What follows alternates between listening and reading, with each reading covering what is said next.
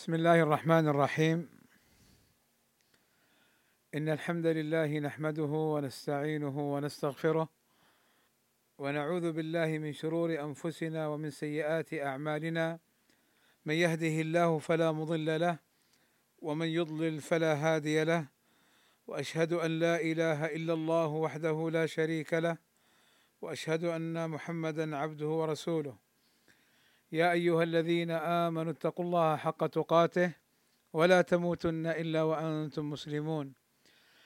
يا أيها الناس اتقوا ربكم الذي خلقكم من نفس واحدة وخلق منها زوجها وبث منهما رجالا كثيرا ونساء واتقوا الله الذي تساءلون به والأرحام إن الله كان عليكم رقيبا.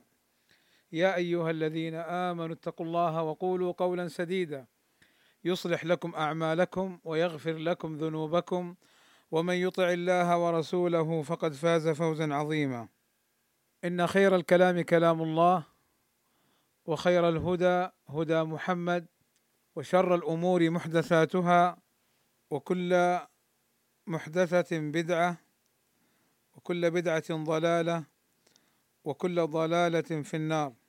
أما بعد فهذا لقاء مع إخواننا وأخواتنا من طلاب العلم في معهد الميراث النبوي ومع إخواننا بفرنسا نتدارس فيه شيئا من العلم وشيئا فيما ينفع المرء في دينه ودنياه بإذن الله تعالى. وهذا اللقاء عنون له بنصائح وتوجيهات. لذلك ستكون الموضوعات المطروحة في هذا اللقاء متنوعة. وفضلت واخترت أن لا تكون غالبا مرتبة بترتيب معين حتى تتشوق النفس ما يلي الموضوع بعد الموضوع. وبادئ ذي بدء إن من أوائل ما ينصح به وما ينصح به المرء نفسه وغيره من إخوانه هو الإخلاص. قال تعالى وما أمروا إلا ليعبدوا الله مخلصين له الدين حنفاء ويقيموا الصلاة ويؤتوا الزكاة وذلك دين القيمة. وقال صلى الله عليه وسلم إنما الأعمال بالنيات وإنما لكل امرئ ما نوى. والإخلاص عزيز بمعنى أن كثيرا يدعون الإخلاص ولكن في واقع الأمر تجد أن قليلا منهم من يحققه. إذ قد يفعل أو يقول اقوالا تنافي هذا الإخلاص. فإن الإخلاص يقود المسلم والمسلمة إلى فعل الخير واتباع السنة وما كان عليه سلف الأمة ويبعده عن الشر وعن الأذية وعن التربص بإخوانه وعن محاربة أهل الحق. ولكن حقيقة يقولها المرء وهو يأسف لذلك أن أول من يعاديك أو من أوائل من يعاديك إخوانك الذين يوافقونك في المنهج. وهذا ينافي الإخلاص لأننا نحن ندعو إلى الله لا ندعو إلى أنفسنا. نحن ننصر دين الله لا ننصر أنفسنا ولا شيوخنا. الشيخ والعالم لما يدافع عنه السلفي لا يدافع عنه لأنه فلان أو فلان. ولكن يدافع عنه إعلاء لكلمة الله للحق الذي يدعو إليه. ولذلك ربما إن شاء الله سيأتي إن وسع الوقت أن العالم لو أخطأ لا يقبل قوله. أن العالم لو أخطأ يرد الخطأ. أن الحق يقدم على قول العالم. وليس في ذلك تنقص للعالم. بل هذا من قوة هذا الدين وقوة هذا المنهج. إذ أن هذا الدين وهذا المنهج السلفي لا يعلق بأشخاص. كل يوم يأتينا شخص برأي وبمنهج وبطريقة. لا الدين واحد والمنهج واحد. والله سبحانه وتعالى ربنا واحد. ونحن نتبع نبينا محمدا صلى الله عليه وسلم. ونتبع أصحابه الكرام رضوان الله عليهم. الذين أمرنا باتباعهم. أعني الصحابة رضوان الله عليهم. لذلك هذا كله من معاني الإخلاص. مع كثرة المتكلمين في الإخلاص. مع كثرة ما يعلمه الإنسان من الأدلة في الإخلاص. إلا أن كما سبق للأسف الشديد نجد أن واقع بعض السلفيين. والآن أنا أتكلم مع إخواني السلفيين. إلا أننا نجد أن واقع بعض السلفيين للأسف الشديد يخالف هذا الأمر. ادعو إلى سبيل ربك. لم يقل ادعو إلى نفسك ولم يقل ادعو إلى شيخك ولم يقل ادعو إلى فلان وفلان لا. لأن الحق كما نعلم وكما هو مقرر لا يعلق بالأشخاص. الحق في الكتاب والسنة وما كان عليه سلف الأمة. رضوان الله عليهم أجمعين. أيضا من النصائح مراقبة الله عز وجل أن يراقب كل واحد فينا الله عز وجل في أعماله وأقواله وأن يعلم أن الله عز وجل يراه وأن الله مطلع على أحواله ونواياه وخباياه ولذلك الله عز وجل أخبرنا أن يوم القيامة ما كان الإنسان يخفيه ويسره في الدنيا تكشف وتظهر يوم القيامة. فمهما أخفى المرء وحاول أن يخادع الناس فإنه لا يخدع الله عز وجل. كما أخبرنا سبحانه وتعالى بذلك في سورة الطارق يوم تبلى السرائر. قال العلماء أي تكشف وتظهر. فالذي كان يظهر الغيرة على دين الله وهو يطعن في طلاب العلم وفي العلماء السلفيين ويحاربهم ويسعى لإسقاطهم لا لبدعة ولا لهوى ولكن حسدا وكمدا وبغضا وغلا على إخوانه السلفيين. أعوذ بالله. ولذلك كانت أعلى مراتب هذا الدين الإحسان. فجبريل عليه السلام لما قال لنبينا صلى الله عليه وسلم فأخبرني عن الإحسان. قال أن تعبد الله كأنك تراه تراقبه. فإن لم تكن تراه فإنه يراك. لو أن كل واحد منا تذكر هذه القضية أن الله يراه ومطلع عليه لكف وترك كثيرا من السوء الذي يفعله. ولذلك هذه القضايا أعني الإخلاص ومراقبة الله. من القضايا الأساسية في المنهج السلفي والمهمة التي ينبغي مراعاتها. ولذلك إخواني بارك الله فيكم الدين هذا الدين الإسلامي علم والعلم دين بمعنى أن العلم ليس بكثرة المعلومات فقط إنما العلم اتباع ما كان في الكتاب والسنة وكان عليه سلف الأمة عملا وقولا وتطبيقا.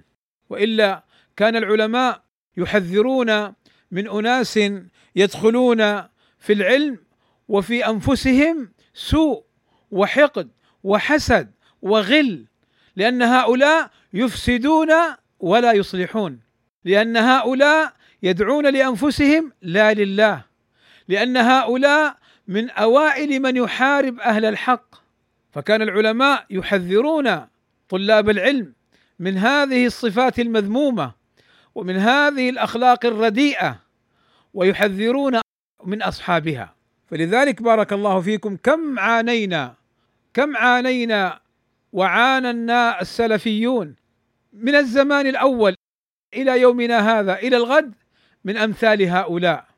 ولذلك كلنا يعرف ويتذكر فيما سبق من الدهر وفيما أيضا عاصره وشاهده وسمعه. ولمسه واقعا.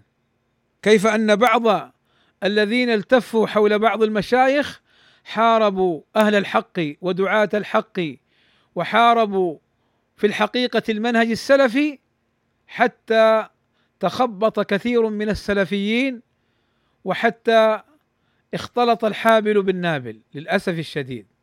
لم يحاربك أهل البدع ولم يحاربك أهل المعاصي بقدر ما حاربك به بعض إخوانك حرب شرسة لا هوده فيه ليل نهار يسعى في محاربة الدعاة السلفيين الصادقين أصحاب النهج الواضح والمنهج الصافي لماذا؟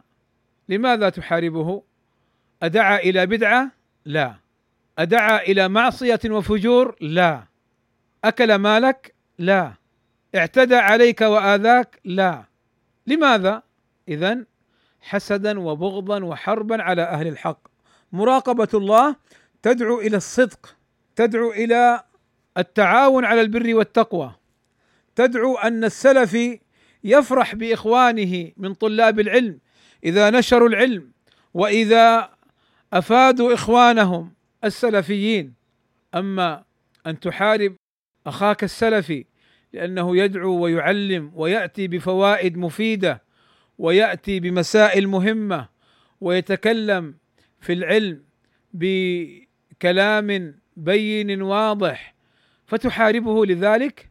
اذا هذا ليس حربا على أهل السوء وإنما هذه حرب على أهل الحق.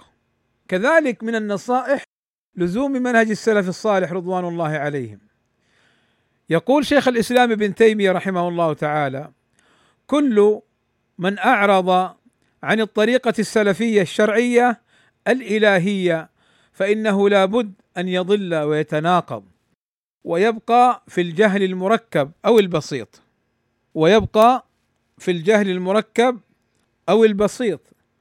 فلاحظ أن هؤلاء الذين يحاربون المنهج السلفي ممن يدعي السلفية هم أعرض في الحقيقة عن لزوم منهج السلف الصالح. ما كان عليه الصحابة من التواصي على الحق ما كان عليه الصحابة من نشر السنة والدعوة إليها و محبه الإخوان بعضهم لبعض وبعدهم عن الحسد والبغضاء وعن كل ما من شأنه الأذية لأهل الحق بل كل ما من شأنه الأذية للغير ولو كان للحيوان. فضلا عن الإنسان فضلا عن أخيك السلفي. فلزوم منهج السلف الصالح في العلم والتعلم والدعوة وفي السنة مخرج ومسلك عظيم للوصول إلى الحق وإلى الثبات على الحق. هذا أمر مهم لأنك قد تعرف الحق ولا تثبت عليه. لأنك قد تعرف الحق ولا تعمل به لأنك قد تعرف الحق وتخالفه وتحاربه. فلذلك من النصائح الغالية والنفيسة أن تلزم منهج السلف الصالح رضوان الله عليهم. ولذلك من منهج السلف الصالح رضوان الله عليهم بيان الحق ورد الباطل. وهذه منقبة وخيرية لهذه الأمة.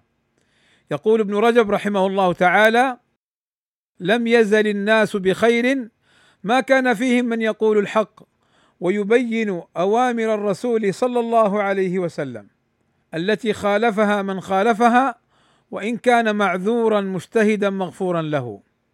وهذا مما خص الله به هذه الأمة لحفظ دينها الذي بعث به رسوله صلى الله عليه وسلم. فإنها أي هذه الأمة لا تجتمع على ضلالة. كما أخبر النبي صلى الله عليه وسلم لا تجتمع أمتي على ضلالة فإنها لا تجتمع على ضلالة بخلاف الأمم السابقة. بل بين ابن رجب رحمه الله تعالى أيضا مسألة مهمة وهي أن بعض الناس قد يحبون بعض العلماء ويحترمونهم بل ويعظمونهم. فيقول لا يمنع تعظيمه ومحبته من تبيين مخالفة قوله لأمر الرسول صلى الله عليه وسلم. ونصيحة الأمة تبيين أمر الرسول لهم. يعني أنا أختصر الكلام. ونفس ذلك العالم المحبوب المعظم لو علم أن قوله مخالف لأمر الرسول صلى الله عليه وسلم لأحب من يبين ذلك للأمة ويرشدهم إلى أمر الرسول، يعني يقول أن العالم الذي قال قولا يخالف فيه الدليل يحب من يرد قوله وينصر الدليل والحق.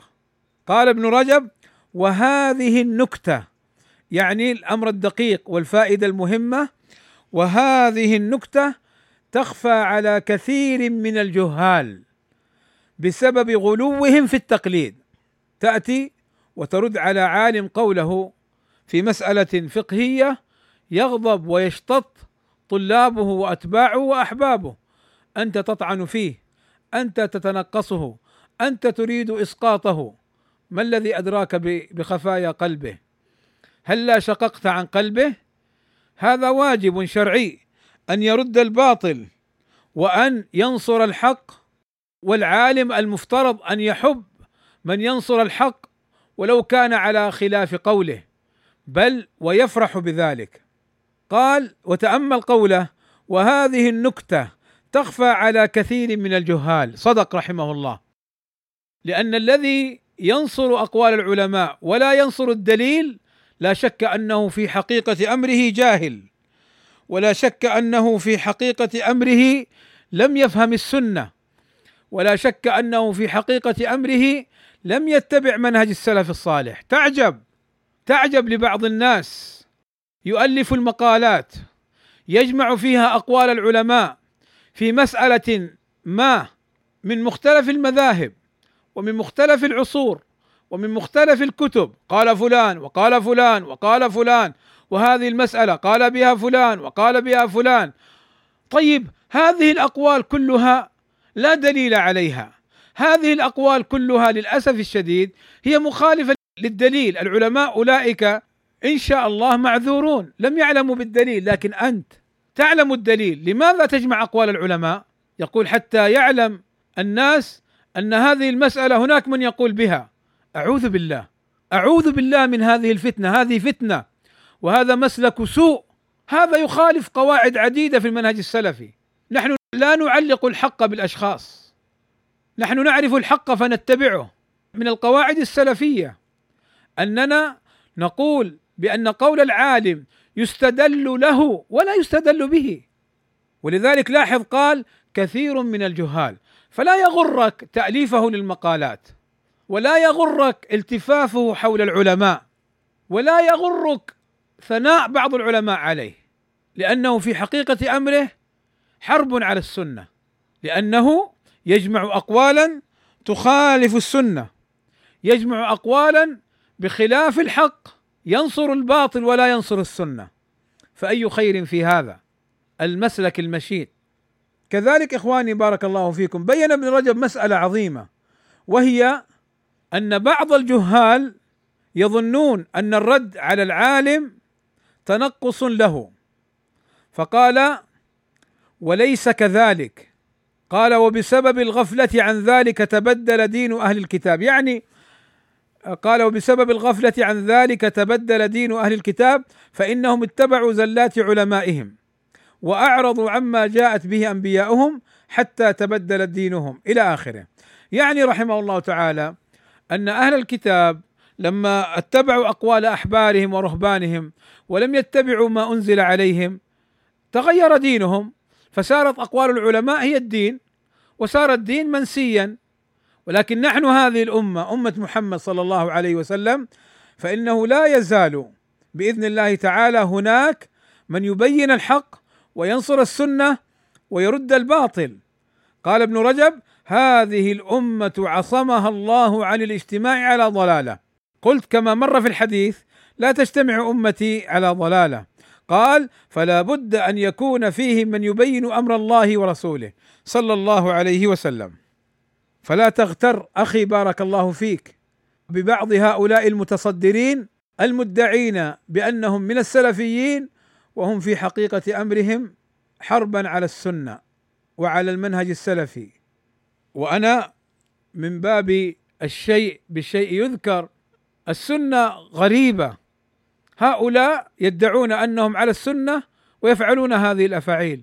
هناك من يحارب السنة كما يعني نسمع ونشاهد في مواقع التواصل.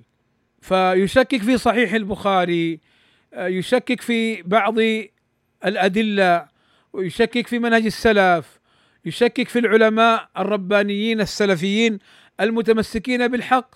فلا تغتر بكونه فلان طبيب أو دكتور مثل ذلك الذي يقرر قواعد باطلة وهو الدكتور الفايد ويقول كلاما يحارب به السنة بل والله يحارب به الإسلام لأن السنة هي الإسلام والإسلام هي السنة كما قال البربهاري وغيره من أهل العلم فيأتي بالقواعد الباطلة الفاسدة التي إن شاء الله عز وجل سيأتي الرد عليها في مقالات ومحاضرات قادمة بإذن الله تعالى.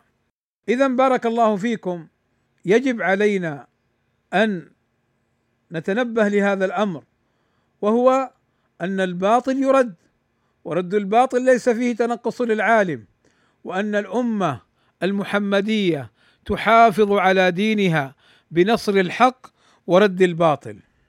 وإن غضب من غضب وإن رماك من رماك بألقاب السوء فإن العبرة بالحقائق العبرة بالحقائق.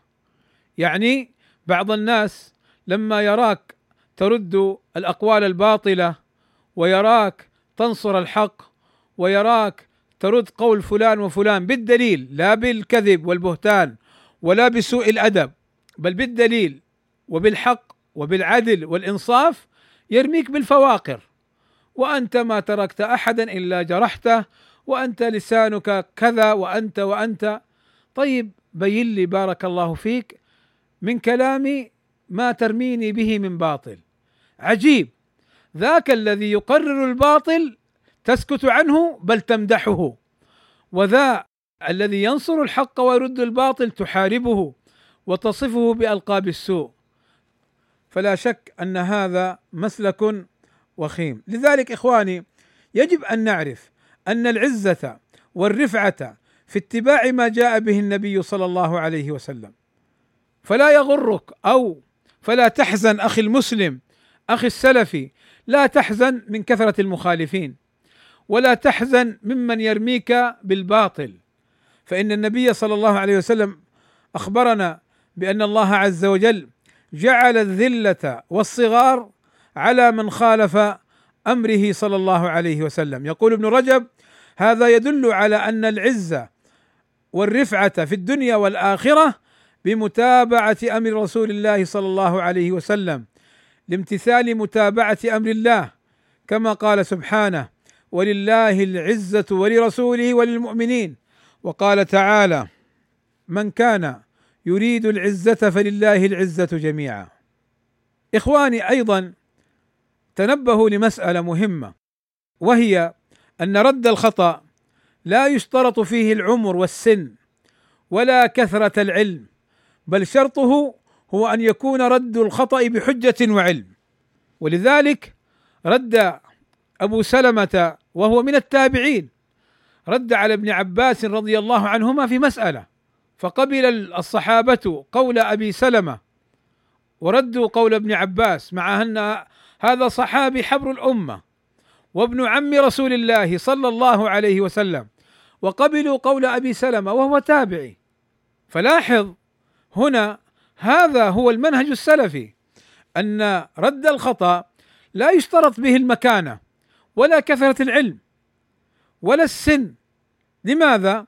لأن العبرة بنصرة الحق العبرة برد الباطل العبرة بالحجة والدليل والبيان ولذلك بين أهل العلم أن الصحابة رضوان الله عليهم كان يرد بعضهم على بعض.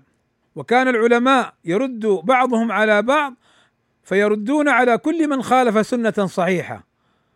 قال وربما يقول ابن رجب وربما أغلظوا في الرد لا بغضا له بل هو محبوب عندهم معظم في نفوسهم لكن رسول الله صلى الله عليه وسلم أحب إليهم وأمره فوق أمر كل مخلوق. فإذا تعارض أمر الرسول صلى الله عليه وسلم وأمر غيره فأمر الرسول صلى الله عليه وسلم أولى أن يقدم ويتبع. انتهى. فتأملوا بارك الله فيكم كيف المنهج السلفي منهج عدل وعلم وحكمة وإنصاف. يرد الخطأ بعلم وحجة. يرد الخطأ بأدب واحترام مع أهل السنة. وقول ابن رجب فيما سبق وربما أغلظ القول إغلاظ القول لمن عاند. إغلاظ القول إذا كان القول شنيعا. إغلاظ القول إذا كان الخطأ صادرا ممن يعني لا يحق له الكلام. فهنا يغلظون القول. ولاحظ أن السلف لما أغلظ بعضهم على من أخطأ لم يحاربوه ولم يقول له فيك يعني حدادية ولا فيك شدة ولا فيك يعني آه طعن للناس؟ لا. وإنما الأعمال بالنيات. ولم يقولوا إنك تتشفى وتريد إسقاطه بهذا القول ابدا لأن هذه أمور بواطن. عند الله الحساب والله يعلم السرائر. لنا نحن الأصل وهو ظاهره. ولذلك بارك الله فيكم. من الأمور المهمة أن نعلمها أن تعلموا أن العالم وطالب العلم والمتكلم بالحق يتكلم ديانة ولله لا هوى في نفسه ولا تصفية حسابات ولا أمور شخصية. يقول ابن رجب رحمه الله تعالى عن الإمام أحمد لم يكن الإمام أحمد يحابي أحدا في مخالفة أمر الرسول صلى الله عليه وسلم. وإن دق ولو عظم مخالفه في نفوس الخلق قال فقد تكلم في بعض أعيان مشايخ العلم والدين لمسألة أخطأها فحمل أمره فلما مات لم يصلي عليه إلا نحو أربعة أنفس يعني من العلماء والمعتبرين. وكان كلما تكلم في أحد سقط لأن كلامه تعظيم لأمر الله ورسوله صلى الله عليه وسلم لا لهوى نفسه. شوفوا هكذا يقول الإمام ابن رجب رحمه الله تعالى عن الإمام أحمد أن كلامه في الناس من باب تعظيم أمر الله ورسوله لا هوى في نفسه تتكلم في مشايخ سلفيين وفي علماء سلفيين تطعن فيهم. هل هذا الكلام من باب رد الباطل ونصرة الحق فعلى العين والرأس؟ أما أن يكون الكلام هوى وليس من باب رد الباطل وليس من باب نصرة الحق وإنما حسدا وبغضا ولشيء في نفسك. قد يقول قائل طيب الآن أنت تقول أن رده حسدا وبغضا وهذا شيء في نفسه ما الذي يدريك أنه تكلم لذلك؟ أقول لك القرينة. أقول لك الواقع. كيف هذا؟ لأنه لو تكلم بحق لقال فلان أخطأ في كذا وكذا وهذا الخطأ ثابت في كلامه في الكتاب الفلاني أو المقالة الفلانية أو الصوتية الفلانية وهذا خطأ لقوله تعالى كذا وقوله الرسول كذا. أما فلان لا تسمع له فلان لا يؤخذ عنه العلم. طيب ليش؟ لماذا؟ هكذا لا يصلح. العلماء حذروا منه. طيب من هم العلماء؟ الذين يجتمعون في المجالس السرية ويتخفون في بطون الكراتين الذين هم على سمة الخوارج الذين يخالفون أمر الحاكم الشرعي ويأمرون ويفعلون أفعال وكأنهم السلطان الذين يطعنون في السلفيين هل هؤلاء هم المرجع؟ هل هذا مرجعك أيها السلفي؟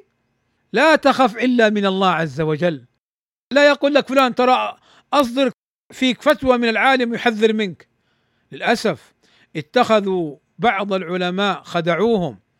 العوبة يضربون به فلان وفلان. ولذلك لما قيل لهم بينوا لنا أخطاءهم بالدليل أبلسوا وأفلسوا وما استطاعوا أن يأتوا بشيء. مثل ذاك الفتان الذي حذر من المعهد معهد الميراث النبوي. فلما طولب بالأدلة أتى بمسودة والله لو قرأتها المرأة التي مات طفلها لضحكت. ولو قرأها المجنون لأفاق. ولو قرأها السفيه لعقل. مذكرة هزيلة. لا فيها شيء من العلم. متناقضة. يكسر بعضها بعضا.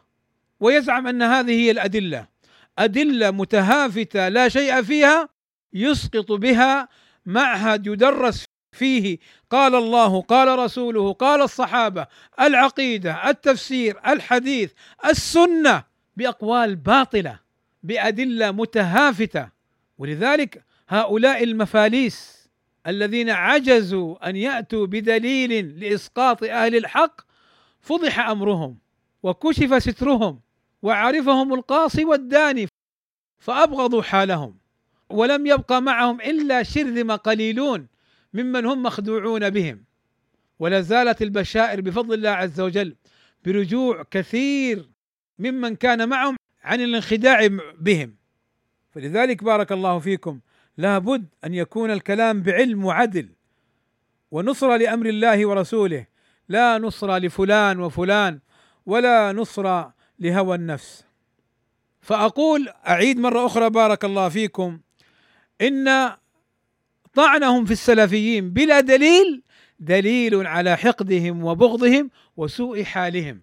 فنحن لما نقول هذا الكلام لا نقوله هكذا جزافا بل نقوله بالدليل ونقوله بالحجة. فتأملوا بارك الله فيكم. ولذلك أين هم؟ مات ذكرهم. أين مقالاتهم؟ لا توجد. ولا يبحث عنها أحد إن وجدت. أين ما كانوا يتبجحون به ويتفاخرون من أنهم وأنهم حول العلماء أبعدوا السلفيين عن العلماء وأحدثوا فجوة بين العلماء فيما بينهم وبين طلاب العلم والعلماء. فبالله عليكم تأملوا ما أسوأ حالهم وما أقبح فعالهم. والموعد عند الله عز وجل تلتقي عند الله الخصوم. ولذلك لا وجود لهم في الحقيقة إلا في سراديب الرافضة وفي الكراتين في المستودعات وفي الغرف السرية التي قد يجتمعون فيها فهم يحاولون أن يلموا شتات قذاراتهم ولكن هيهات ساعة مندم إلا أن أن يتوبوا ويرجعوا إلى الله ويقلعوا عما كانوا عليه ويصلحوا ما أفسدوا. فالحمد لله الذي نصر الحق وأهله وأزهق الباطل وشرذمته إخواني بارك الله فيكم. من الأمور المهمة أيضا التي ينبغي أن أنصح نفسي بها وأنصح إخواني أيضا بها أن السلفي يترك ما لا يعنيه من الأمور ولا يشتغل بها لقوله صلى الله عليه وسلم من حسن إسلام المرء تركه ما لا يعنيه. فكيف بالفتن والمشاكل؟ لا يتدخل فيها ولا يغوص فيها. هذا الحديث من حسن إسلام المرء تركه ما لا يعنيه. يقول حمزة الكيناني رحمه الله هذا الحديث ثلث الإسلام.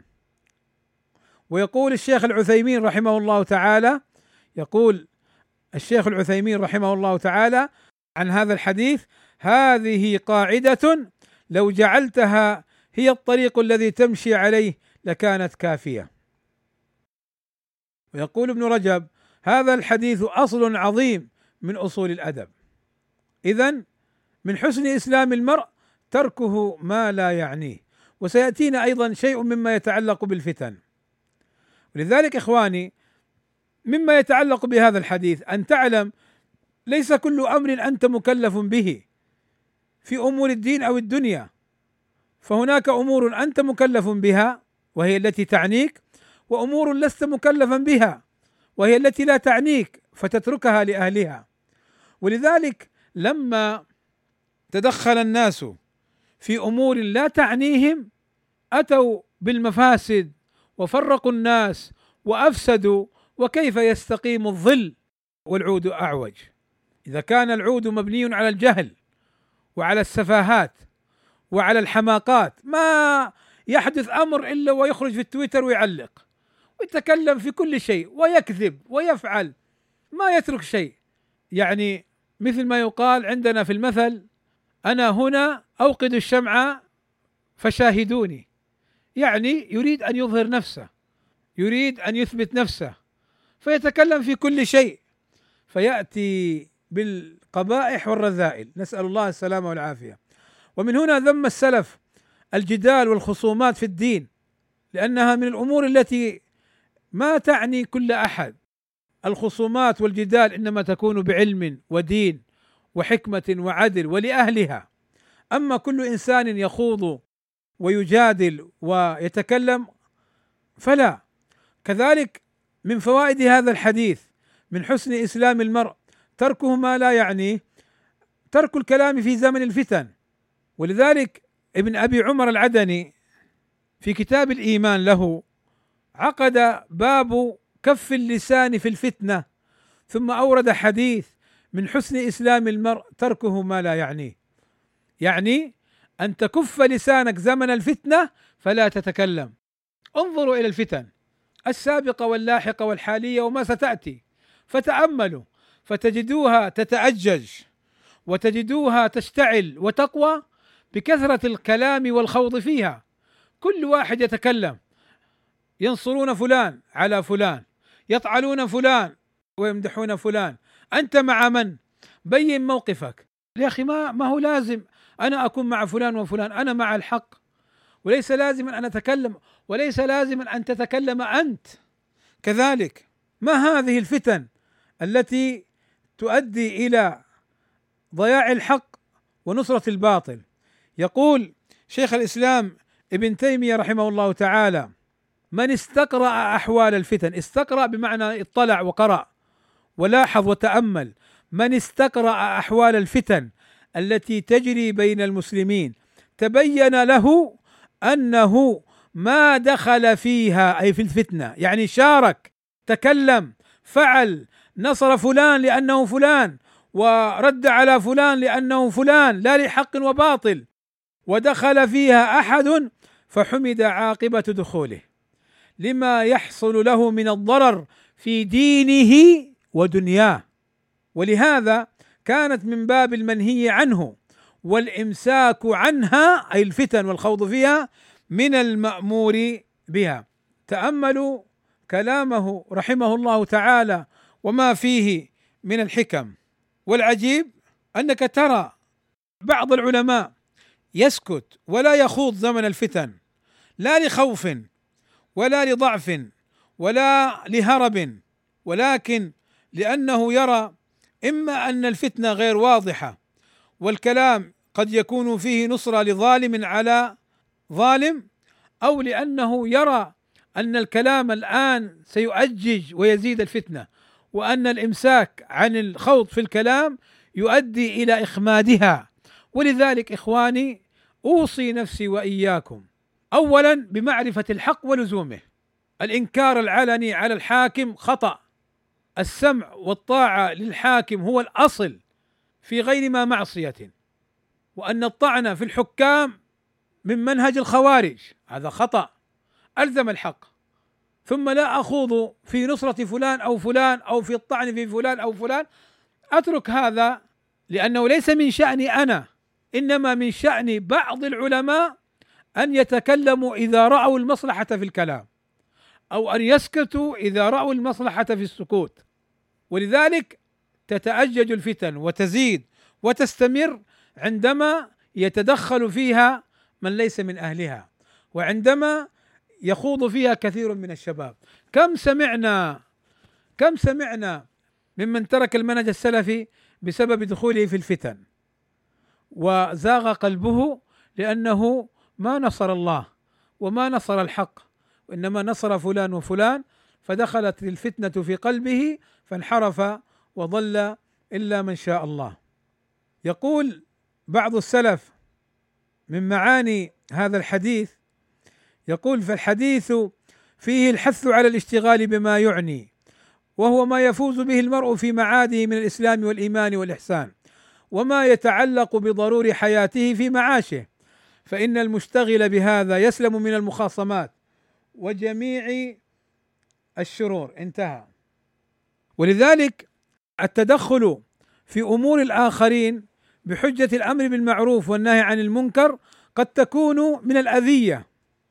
يقول شيخ الإسلام ابن تيمية رحمه الله تعالى إقبال المرء على مصلحة نفسه علما وعملا وإعراضه عما لا يعنيه كما قال صلى الله عليه وسلم من حسن إسلام المرء تركه ما لا يعنيه ولا سيما كثرة الفضول فيما ليس بالمرء إليه حاجة من أمر دين غيره ودنياه لا سيما إن كان التكلم لحسد أو رئاسة وكذلك العمل فصاحبه إما معتد ظالم وإما سفيه عابث وما أكثر انتبهوا وما أكثر ما يصور الشيطان ذلك بصورة الأمر بالمعروف والنهي عن المنكر والجهاد في سبيل الله وهو في حقيقة الأمر قال ويكون من باب الظلم والعدوان.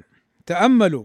بعض الناس يؤذي الناس يؤذي السلفيين ويحاربهم. فتقول له لماذا تفعل هذا؟ لماذا تكذب؟ لماذا تفعل؟ يقول يا أخي أنا أنصر الحق. أنا أرد على الباطل. لا أنت كاذب. أنت دخلت في أمر لا يعنيك. أنت دخلت في أمر لا تحسنه. أنت لم تشتغل بما يعنيك. تجد أن عنده من الباطل وعنده من الجهل والسفه ما يجعله يشتغل بنفسه عن غيره ولكن يشتغل بغيره من أهل الحق وينسى نفسه مما ملئت بالباطل. نسأل الله السلامة والعافية. أيضا من حسن اسلام المرء تركه ما لا يعنيه. دل على أن المسلم يؤاخذ بما يتكلم به مما لا يعنيه. لذلك يقول شيخ الإسلام ابن تيمية رحمه الله تعالى: ينبغي اجتناب ما لا يعنيه من القول والعمل فإن هذا مأمور به في كل وقت. ولذلك بارك الله فيكم. أيضا من النصائح أخي بارك الله فيك ألا تنقل كل كلام تسمعه ولا تقبله إلا من أهل الصدق. قال صلى الله عليه وسلم كفى بالمرء كذبا أن يحدث بكل ما سمع. كفى بالمرء كذبا أن يحدث بكل ما سمع. ولذلك من طريقة أهل الردى وطريقة أهل السفة أنهم يكذبون ويتقولون على أهل الحق ثم يسعون لنشره في كل مكان. كما قال ذاك السفيه في نشر بعض الباطل قال انشره في كل مكان تستطيع أن تنشره فيه. وهو باطل من القول. كفى بالمرء كذبا أن يحدث بكل ما سمع. ولذلك السني لا يتبع الناس على كل ما يقولون أو يكتبون. لأنه يعلم قول الله تعالى مع الحديث السابق ولا تقف ما ليس لك به علم. إن السمع والبصر والفؤاد كل أولئك كان عنه مسؤولا. يقول السعدي أي ولا تتبع ما ليس لك به علم بل تثبت في كل ما تقوله وتفعله فلا تظن ذلك يذهب لا لك ولا عليك. إن السمع والبصر والفؤاد كل أولئك كان عنه مسؤولا فحقيق بالعبد الذي يعرف أنه مسؤول عما قاله وفعله وعما استعمل به جوارحه التي خلقها الله لعبادته أن يعد للسؤال جوابا.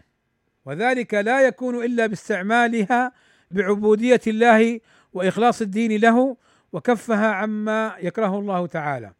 اذا في الحديث السابق كفى بالمرء كذبا أن يحدث بكل ما سمع. وفي هذه الآية ولا تقف ما ليس لك به علم. إن السمع والبصر والفؤاد كل أولئك كان عنه مسؤولا. وأنا أنبه أيضا إلى مسألة دقيقة نبه عليها العلماء.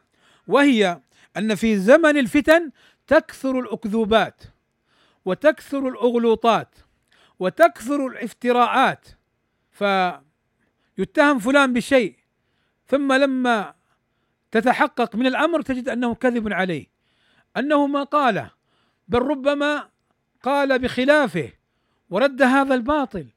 فاحذروا بارك الله فيكم من نقل كل ما تسمعونه ومن الدخول في أمر ليس لكم به عناية وأن تتبعوا أمرا لا علم لكم به حتى لا تقعوا في الشر والفخ وحتى لا تسألوا يوم القيامة لما فعلتم ذلك ولا حجة عند الواحد إلا الظن وإياكم والظن فإن الظن أكذب الحديث كما قال صلى الله عليه وسلم. إخواني الرجوع إلى العلماء نقطة مهمة لا بد أن نقف معها وأن نتأمل فيها. نحن تعلمنا من القرآن والسنة ومن منهج السلف الصالح رضوان الله عليهم أن الرجوع إلى العلماء أمر من القواعد السلفية. ولكن ما معنى الرجوع إلى العلماء؟ معنى الرجوع إلى العلماء هو الرجوع. طبعا اولا قال تعالى فاسألوا أهل الذكر إن كنتم لا تعلمون. وقال صلى الله عليه وسلم ألا سألوا إذ جهلوا؟ فإنما شفاء العي السؤال. والسلف رضوان الله عليهم كانوا يذهبون إلى العلماء ويسألونهم. وهذا لا يحتاج إلى برهان فآثارهم وأقوالهم مشهورة معلومة. لكن الذي أريد أن أنبه عليه أن الرجوع للعلماء إنما هو رجوع للعلم الذي يحملونه وللحق الذي يدعون إليه لا إلى أشخاصهم ولا إلى مجرد أقوالهم. قال صلى الله عليه وسلم إن العلماء ورثة الأنبياء.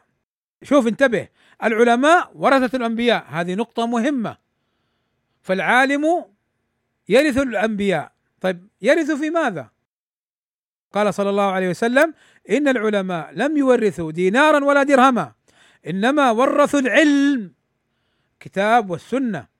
فمن أخذه أخذ بحظ وافر. اذا أنا لما أرجع للعلماء أرجع للعلم الذي يحملونه. أرجع للحق الذي يدعون إليه. فإن وجدت العالم قال قولا لا دليل عليه لا يلزمني.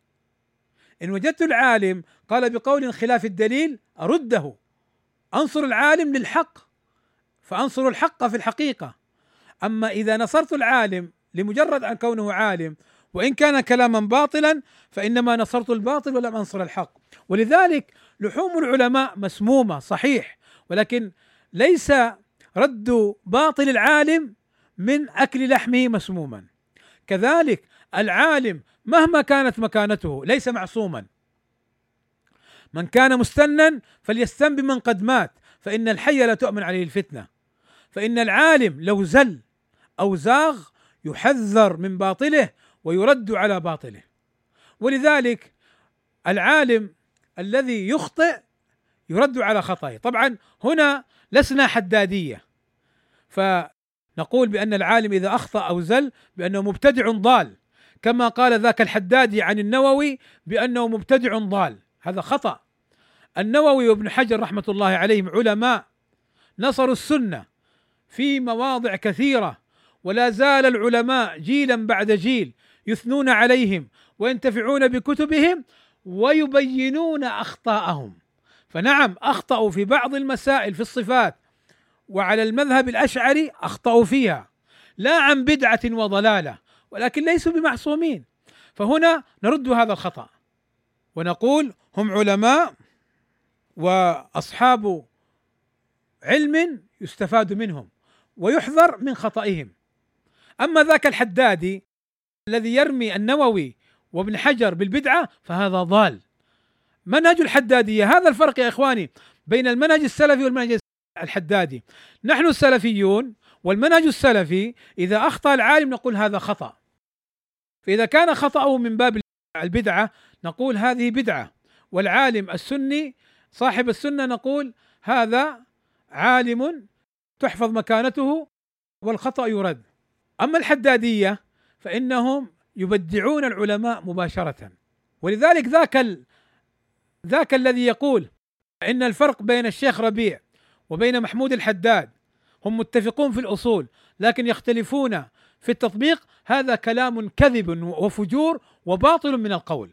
وهذا دليل على أن قائله حدادي جلد وخبيث يتلاعب بالحق. ولا زال أهل البدع ومنهم الحدادية كالعقارب يخفون رؤوسهم ويلدغون إذا تمكنوا. فيجب الحذر منهم بارك الله فيكم. اذا كذلك طعن في أبي حنيفة هذه من علامات الحدادية. من باب الفائدة إخواني أذكر لكم سريعا بعض انتبهوا بعض علامات الحدادية. طعن في في أبي حنيفة ووصفه بأنه بأبي جيفة وأنه ضال مضل هذا حدادي. طعنهم في ابن تيمية طعنهم في ابن عثيمين طعنهم في الألباني لماذا يكرهون ابن عثيمين؟ لماذا يكرهون ابن تيمية؟ لماذا يكرهون الألباني؟ لأنهم أصلوا وبينوا مسألة عليها الأدلة من الكتاب والسنة وهي العذر بالجهل. وأن الإنسان إذا وقع في خطأ في العقيدة دون قصد أنه لا يكفر. ذاك الرجل الذي قال اللهم أنت عبدي وأنا ربك. أخطأ من شدة الفرح ما كفر. ذاك الرجل الذي قال لأبنائه إذا أنا مت فحرقوني ثم ذروني ذروا يعني الرماد في اليم فلئن قدر الله علي ليعذبني. فبعثه الله قال لما فعلت هذا؟ قال خشيتك يا رب. فغفر الله له. شك في قدرة الله ما كفر لأنه جهل هذا الأمر. فهم يبغضون ابن عثيمين والألباني وابن تيمية لأنهم يقررون مسألة العذر بالجهل.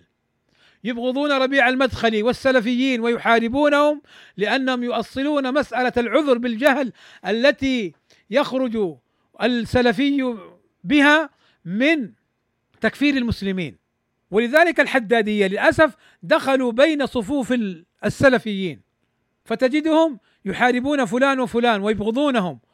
ويختنقون ويغصون بمحاضراتهم والإعلان عن محاضراتهم والإعلان عن دروسهم والإعلان عن كلماتهم ويحاربونهم. فإذا نشر لهذا السلفي مقال أو كلمة يقولون لماذا تنشر لفلان؟ أو يأتي ويرسل بعده رسائل كثيرة حتى يخفي رسالة ذاك السلفي. لماذا؟ لهذه المسألة العذر بالجهل. يقول الشيخ ابن عثيمين رحمه الله تعالى في كلام الله وسأنشره إن شاء الله قريبا. يقول العذر بالجهل دل عليه الدليل من الكتاب والسنة وما كان عليه سلف الأمة ودل عليه دليل العقل والنقل. إلى آخر كلامه رحمه الله تعالى مما سأنشره. أيضا معنى الرجوع للعلماء سؤالهم عما أشكل أو جهله الإنسان. كذلك معنى الرجوع للعلماء الرجوع للمختصين من العلماء المعروفين بالعلم والتقوى ومعرفة الفتن عند الفتن. كذلك من الأمور التي تعني كلمة الرجوع للعلماء معناه أنه أن الإنسان لا يعمل في الفتن برأيه وعقله بل يرجع إلى العلماء. طيب من أهل الاختصاص يقول الشيخ محمد العنجري حفظه الله تعالى النوازل لا تؤخذ بالعواطف والعالم الرباني هو الحجة بينك وبين الله في النوازل. فانظر من ستجعل بينك وبين الله يوم القيامة. انتهى. كذلك الرجوع إلى العلماء استشارتهم واسترشادهم وطلب توجيههم فيما يهمه من الأمور. كذلك احترامهم وتقديرهم ومعرفة حقهم وطلب الحق الذي عندهم والتمسك به. كذلك من الرجوع للعلماء عدم التعصب للعالم وعدم تقديم قوله على الحق كذلك يجب أن نعرف الفرق بين الرجوع للعلماء وبين التعصب لهم فإن الرجوع للعلماء يعني الرجوع للحق الذي عندهم ويدعون إليه، وأما التعصب للعلماء فهو نصرتهم للهوى لا للحق، ونصرة الخطأ ما دام أنه صدر منهم. يقول التويجري الشيخ التويجري رحمه الله تعالى: إن العلماء لا تعظم أقدارهم ويعتد بأقوالهم بمجرد التفخيم لهم والتنويه بذكرهم وإنما يعتبرون باتباع الحق واجتناب الباطل. فمن قال منهم بما يوافق الكتاب والسنة فقوله مقبول. ولو كان خامل الذكر يعني مو مشهور عن الناس. ولذلك كلمة شيخ فجاه كلمة عامة كلمة مجملة كلمة غير يعني غير مفسرة. إيش شيخ فجاه إيش شيخ فجأة شيخ فجأة إن قصدت أنه غير عالم فهنا تقول أنه مجهول أو جاهل. أما كونه عالم ودرس وما تعرفه أنت فعدم معرفتك لا يجعل من طلاب العلم ومن العلماء أنهم شيوخ فجأة. ولو قسنا فأنت أيها المتكلم شيخ فجعة لأنك في الحقيقة أتيت بالمصائب والبلايا أتيت بالفتن وما يفرق بين السلفيين. قال ولو كان خامل الذكر عند الناس. ومن قال بما يخالف الكتاب والسنة فقوله مردود ولو كان مشهورا عند الناس. طيب لذلك من الخطأ أن تظن أن الرجوع للعلماء التعصب لهم.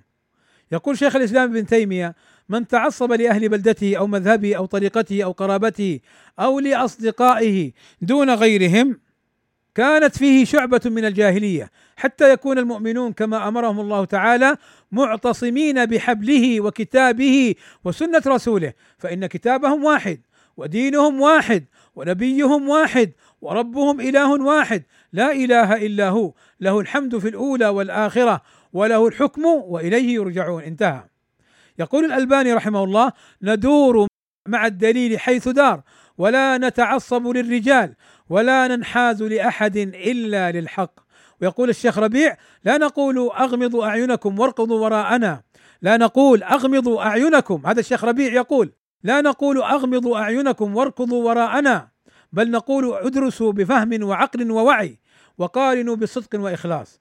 يقول الشيخ ربيع شوف هؤلاء الذين يقولون لما ترد على الشيخ ربيع تقول الشيخ ربيع أخطأ في هذا. يقول أنت أنت تطعن في الشيخ ربيع. أنت من أنت حتى ترد الشيخ ربيع؟ يا أخي الشيخ ربيع هنا يقول لك لا تغمض عينك لا تركض ورانا كالبهيمه ولكن ادرس كلامي إن في دليل وفي حجة فاعمل به وإن كان ظهر لك أن ما فيه دليل أو خالف الدليل فرده. وللشيخ ربيع له في هذا مقالات كثيرة. طيب إخواني الصلاة قربت عندنا آه، والوقت أزف. والله واعددت أمورا كثيرة كنت أود مدارستها معكم ولكني أكتفي بهذا في هذا اللقاء وإن شاء الله بما أني يعني في مسائل أخرى كثيرة أود المناصحة والتوجيه لنفسي ولكم ولإخواني السلفيين في كل مكان بها سيكون هذا اللقاء هو اللقاء الأول. أعدكم بإذن الله تعالى في وقت سنحدده لاحقا بلقاء ثاني سيكون الجزء الثاني بإذن الله تعالى يتعلق بنصائح وتوجيهات لنفسي اولا ولإخواني وأخواتي السلفيين في كل مكان. ثانيا أسأل الله عز وجل أن يجعلنا جميعا ممن يقولون الحق وأن يجعلنا ممن يعمل بالكتاب والسنة وما كان عليه سلف الأمة. وصلى الله وسلم على نبينا محمد والحمد لله رب العالمين.